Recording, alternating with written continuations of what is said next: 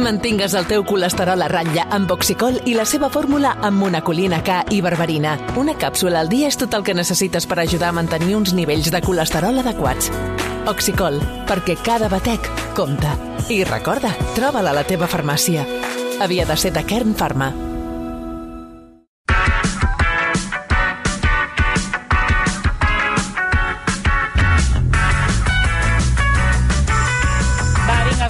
Dilluns a aquesta hora comencem el No s'ha parlat prou. Avui amb el Carles Fiter i la Llucia Ramis. Què tal, com esteu? Molt bé, molt a tots bones. dos. Sí. Um, Llucia, fa setmanes que arrosseguem un tema que no ens dona temps de fer És i mira, avui canviem els papers i començarem per tu. De què no s'ha parlat prou? Mira, de la bretxa econòmica entre amics. Mm, què vols dir? Això és una cosa que sol passar eh, quan tens 20 i escaig Mm. anys, més o manco, Mm. i pot ser un problema greu que posi punt i final a una bona amistat, no? Uh, tu tens amics de tota la vida, o acabaràs conèixer l'institut, o acabaràs conèixer a la universitat, i al principi uh, tot va bé perquè quedau a casa dels pares d'un dels dos, i llavors potser notes no? que la casa és diferent de la teva, mm. que hi ha un altre mm, ambient. Una altra decoració, no? exemple. Un altre menjar, també, sí, no? Sí, també passa... A mi me passava, per exemple, quan vaig venir a estudiar la carrera a Barcelona, que, eh, clar, els pisos d'estudiants són pisos d'estudiants. Ja dones per fet que allò no és per sempre, que és una cosa transitòria i que allà no, no es veu qui realment ets. Ets una Mm. persona de pas, no? I llavors era molt difícil també detectar algunes coses que són més fàcils detectables en casa de, de, dels pares de, de, dels teus amics, no? Però què passa? Bé, això va bé, mm, sou amics, i quan arriba una certa edat vos incorporau al món laboral i de sobte canvia tot, no? I pot ser que un cobri 20.000 euros l'any i un altre cobri just el doble d'això, no? Uh, a més, un pot tenir fills, la qual cosa implica més despeses, i l'altre no té cap fill i, per tant, uh, té més la possibilitat d'estalviar. Un ho té més magre que un altre per arribar a final de mes. Ara estic parlant de dues persones, però això poden ser grups Sí, sencers, sí, no? sí, i tant. Llavors, què passa? Que en el moment de triar un lloc per sopar, una cosa tan simple com l'exemple això, que estava pensant. Clar, dius, a uns els hi costa molt més que als altres, no? La cosa se complica. O quan decideixen pagar rondes, no? Mm. Que això O triar un vi, per Sí, exemple, sí. durant un sopar, no? Que sempre n'hi ha, hi ha un grupet que s'animen amb, amb un vi que dius, home, a veure, que després l'haurem de, això cou, l'haurem de dividir. pica. Sí, clar, no? llavors uns no tenen en compte que eh, per als altres això és eh, difícil no? d'assumir, que, que és una despesa molt gran. I aquells el, a, a qui el costa més eh, pagar això, mm, sovint se'n pagueixen, tenen vergonya de dir, no, escolta, és que jo no puc eh, pagar això, no? que vaig malament de pasta, no, no, no puc arribar a final de mes. Per tant, què faran aquests? Deixaran de quedar amb els seus Clar. amics. No? Mhm. o només hi aniran a prendre el cafè, o, o faran coses d'aquestes. Uh, quina solució hi ha? Pagar cadascú la seva part, uh, fer un visum, això no, no, no, no, no ho soluciona. No resol el tema del lloc on van, per exemple. No? Tampoc resol quin, amb quina freqüència han de quedar. Llavors arriben unes vacances. Què passa a les vacances? De vacances comunes, eh? D'allò de dir, va, anem marxem una, una colla d'amics, i... tal. Uns es poden permetre el viatge, uns altres no se'l poden permetre. Uh, dins un mateix grup, uns s'hi apuntaran i uns altres no, no s'apuntaran per, pel motiu aquest econòmic, però que no diran segurament perquè no els hi va bé, no? Uh, llavors s'aniran distanciant. Cap a 30 anys és quan comencen els casaments. Ui, I què passa? la els- despesa gran aquí. que la eh? tortura és forta, clar, perquè estàs obligat a anar-hi, són els teus amics, no pots dir que no hi vas. Però has de comprar un vestit, eh, has de donar diners pel regal de noces, no sé quin moment es va determinar no? que, que, la, que, són, que, que els casaments són, són sistemes de recaptació als amics, Després hi ha el comiat de solter o de soltera, que moltes vegades això inclou un viatge, inclou una nit a un hotel, eh, bueno, passar- passar-s'ho bé. Llavors, què passa? Doncs que aquesta distància cada vegada s'anirà fent més gran i és molt difícil mantenir aquesta amistat amb persones que havien estat molt importants, sobretot al començament de la teva vida o en un moment mm, clau de, de la teva vida. No? Llavors, els estudis demostren que les xarxes socials estan estratificades per classe social econòmica i que la gent que s'ha conegut a través de les xarxes tendeix a tenir amics de rendes més o manco similars. Mhm. En canvi, eh, els que s'han conegut abans i sobretot els que tenen rendes més baixes, problemes econòmics, etc, tendeixen a tenir amics del barri, amics de tota la vida, amics que no, que no, que no canvien. Mentre que els altres eh, els han anat fent doncs, a partir de la universitat i, i a la feina. No? I llavors això fa que cadascú al final se, se vagi com a col·locant amb la gent que tingui més o manco eh, el mateix nivell adquisitiu. No? I mm, altres estudis sobre el concepte de la meritocràcia demostren que com més diners tens, més creus que és gràcies a la feina feta, que és gràcies al teu talent, i no a que tinguis més sort, Una que siguis sort, més no afortunat, de- que siguis més privilegiat, que hagis començat amb avantatge, la qual cosa fa que pensis que els amics que tenen menys diners No s'han esforçat tant, no, a la Exacte. vida, Els com menys tu. temps. Exacte, els menys temps i, i tens un, un, un judici negatiu, un judici totalment injustificat, injust, a més a més, eh, per aquells amics que no han aconseguit el mateix que tu, quan segurament partien eh, d'una posició molt més mm, complicada que la teva, no?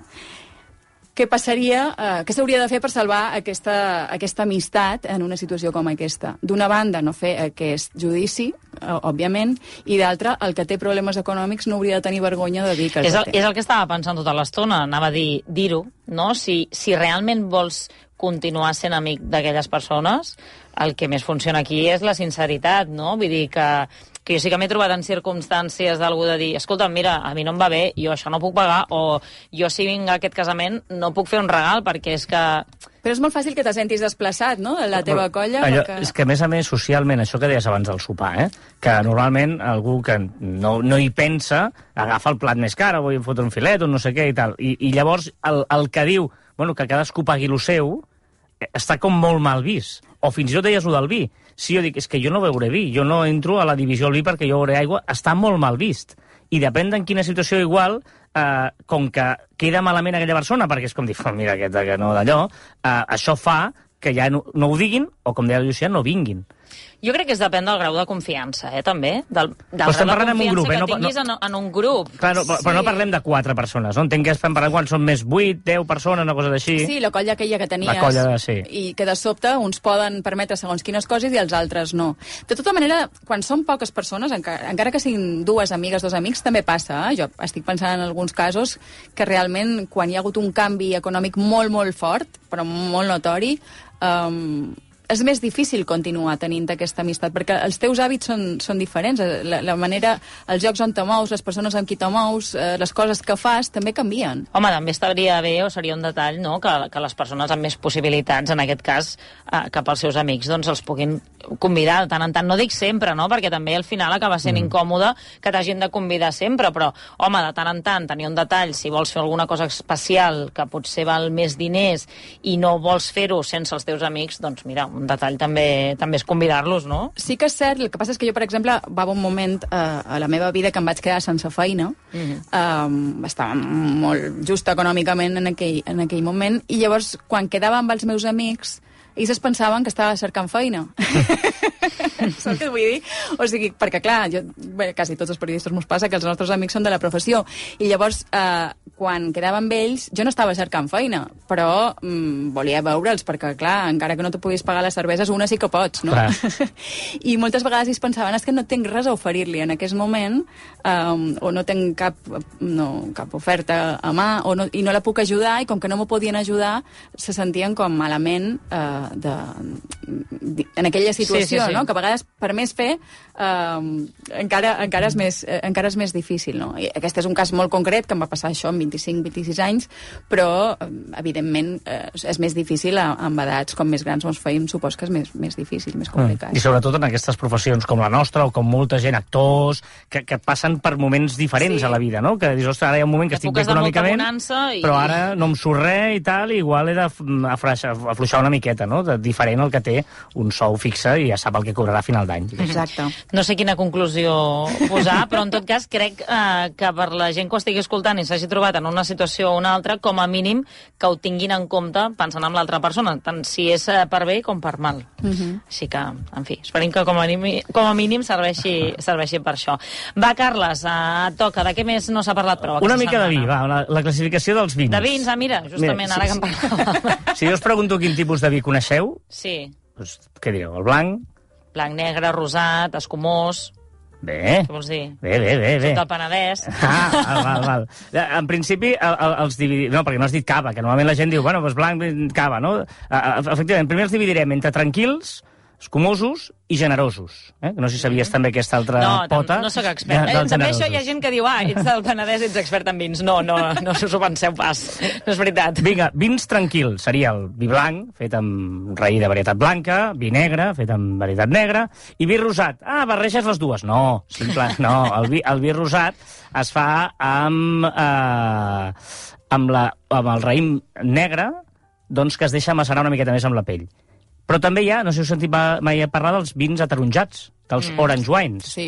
que són amb raïm blanc i també doncs, eh, la, la, la pell la deixes macerar una miqueta més. No? Doncs ja tenim, imagina't, eh, la- el ventall que tenim. Fins i tot he vist, ai, potser ara t'ho xafo, eh, però vins d'una varietat negra, però que a la copa són blancs, perquè se li treu la pell, per tant els tanins no tanyeixen a, a aquest vi, i dius, ostres, però si he demanat una varietat d'un negre i aquest vi és blanc, és què passa clar. aquí, no? No, no? no he volgut anar tant al detall. Eh? A, a, per cert, que encara es fan els vins aquests de blanc i negre barrejats, sí que serien els claretes, es diuen, Mhm. i per això es farien. Però vaja, aquests són vins tranquils, val? escumosos. Aquí és, és xulo, perquè la, molta gent li diu xampany encara. Doncs, és veritat, ja. la gent gran a vegades li diu xampany. I xampany només és d'una zona específica de França, que és de la Xampanya.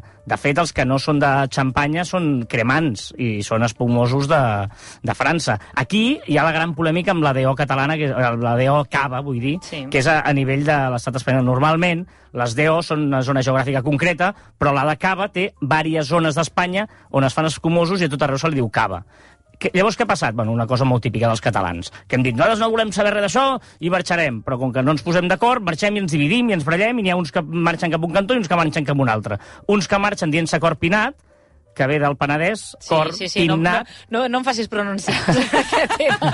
No em posicionaré ni cap a una banda ni cap a I uns l'altra. altres que es fan dir clàssics penedès. Sí. Val? Clàssic penedès. Llavors també, doncs, allò... I, eh, bueno, no entrarem en detalls, tampoc, és veritat. No, Però més no, que res no. perquè ens situem amb, amb tot això, No, vale? és veritat que molta gent ara veu una ampolla, que et semblaria una, doncs, una ampolla de cava i veu que posa corpinat i diu, qui, és això, no? Amb- no he sentit a parlar. Clar, o... el Corpinat intenta que sigui el raïm del Penedès, Corpinat, nascut al cor del Penedès, eh, eh, i que aquest raïm ha de tenir un mínim de qualitat, ha comprat a un preu mínim per ajudar els pagesos a que el puguin fer, bla, bla, bla. Val? El clàssic penedès, tres quarts del mateix. Passa, com dic, és, és amb unes normes bastant similars, però uns, bé, coses de Catalunya. I eh, eh, els espumosos es fan el, aquest tipus de, amb el mètode tradicional, que és amb doble fermentació, o el mètode ancestral, també hi ha caves ancestrals o espumosos ancestrals, que són fets amb una sola fermentació. Fins aquí bé, no? Ja veureu on vaig a parar, que és el més divertit de tot. I llavors tenim els generosos, que són els dolços, les manzanilles, els amontillados... Per què són generosos? Perquè se'ls hi afegeix alcohol vínic. I com que són molt generosos, se'ls hi afegeix molt alcohol. Molt bé. I llavors entraríem en una altra classificació, que són els naturals, els biodinàmics, els ecològics, tot això. Vale. Jo perdo, eh, una mica, no us penseu. Ara tornem al principi. Com, quines tres varietats clares de vins tranquils tenim? Blanc, negre i rosat. Sí, El vi negre, com es diu en castellà? Tinto. tinto. Com es diu el vi negre en anglès? No ho sé. Hi ha una cançó dels UB40 boníssima que es diu Red, Red, red Ah, sí, sí, sí, ret, és veritat. Red wine. Com es diu en italià? Ai, no ho sé. eh, Vino rosso, no vino rosso. Digue-ho tu. Vino rosso. I com es diu en francès, per exemple? Rouge. Rouge. Per què a Catalunya som l'únic país del món Negre. que li diem negre a lo que tothom li diu vermell? No he trobat la resposta. Si hi ha, hi ha algun lingüista a la sala... Algú... Estàs posant deures? És que...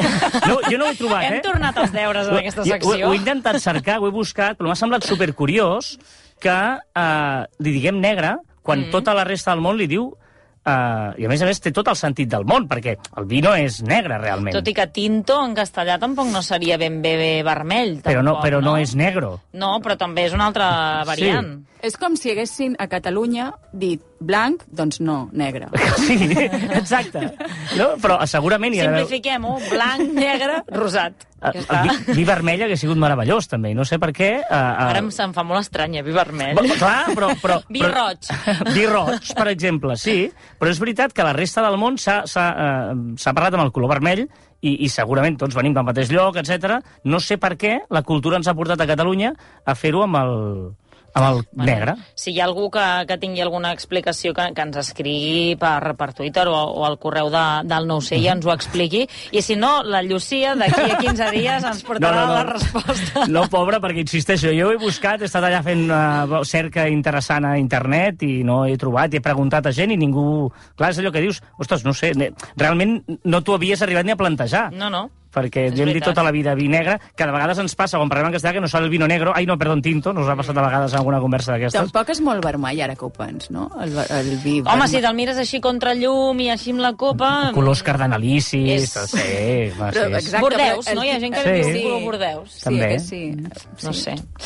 En fi, ens queden dos minuts i mig. No sé si ens dona temps a parlar d'un últim tema o com a mínim a fer una petita introducció. Com ho veieu, Vinga, això? superràpid. Va. L'amor engreixa. Ah, sí? Com acabau vosaltres els contes de fades? Es varen casar, I foren van menjar- felices, varen menjar, què van? Anissos. O pastissos.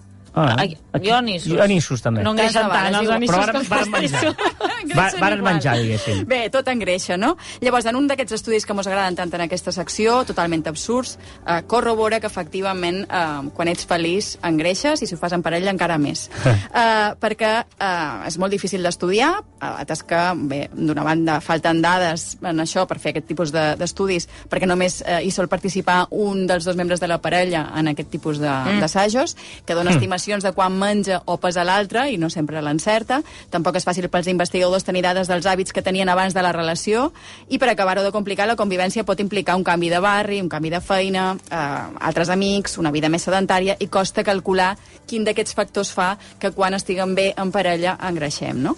En tot cas, el primer estudi eh, va sortir l'any 2012 a la revista Obesity i segons els seus resultats, com més temps passava una dona en una relació estable, més engreixava. I Carai, pels curiós. homes aquest risc pujava els dos primers anys, després s'estabilitzava i després ja... Ja Es es disparava deixa anar del no? tot. Sí, sí, sí. Sí. Explicacions. Doncs d'explicacions. Com que ja no cerques parella, et relaxes, o al contrari. Com que creixen les responsabilitats arran del compromís, tens més feina, tens més càrrega de treball, el sedentarisme, etc, l'estrès, no tens temps de mantenir-te en forma i per això eh, explicarien aquests canvis cap a l'augment de pes. Eh, a més a més, en parella, mm, potser passes més temps estirat al sofà i... Eh, I també és veritat que quan vius sol, eh, per exemple, sopes amb qualsevol cosa, però si estàs en parella ja prepares un àpat una mica O dius, va, anem a prendre alguna cosa, anem a fer no sé què, Sí, tal. però no prendre alguna com els amics, eh, també. No, no, amb la a parella, restaurar- ah. Ah, no, no, no. Allò hi Llavors, va. hi ha un factor clau. Menjar en bona companyia ens posa eufòrics. I per això, si estem amb algú que menja més que nosaltres, ens farem racions més grans i el menjar guarro, diguem-ne, ens encanta quan També. estem bé. Aquelles patates, aquell vinet, aquell Sí, formatge, sí, sí. aquell... Total, la gelat. conclusió és que l'amor engreixa. En fi, Llucia i Carles, moltíssimes gràcies. Ens veiem d'aquí 15 dies. A que vagi molt bé. Vagi molt bé.